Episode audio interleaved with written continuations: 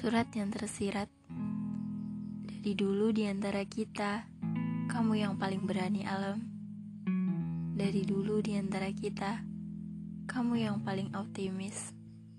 Dan dari dulu di antara kita Aku yang paling susah mengendalikan emosi.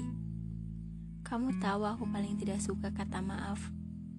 Karena sesuatu yang berusaha untuk dimaafkan Tujuannya hanya untuk diulangi lagi. Makanya, dari dulu aku paling takut minta maaf. Karena aku takut aku akan mengulanginya lagi. Dan aku paling tidak bisa memberi maaf. Karena barangkali kamu akan melukai perasaanku lagi. Liz dan Austin pergi dengan perasaan yang satu.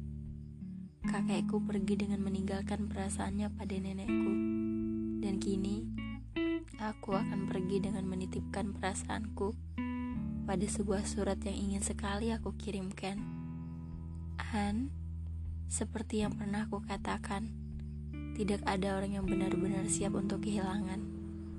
Tapi ingat kata-kataku, bahwa jika bumi ini terbelah menjadi dua bagian, lalu aku dan kamu harus berpisah, terpencar, dan tidak dalam satu tujuan.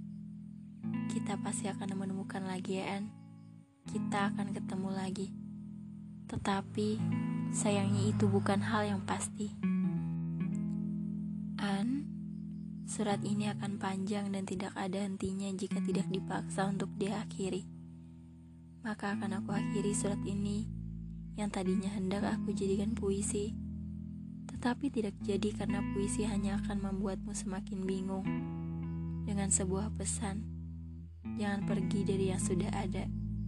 Aku memang tidak akan pernah menjadi kecukupan dari segala kesempurnaanmu.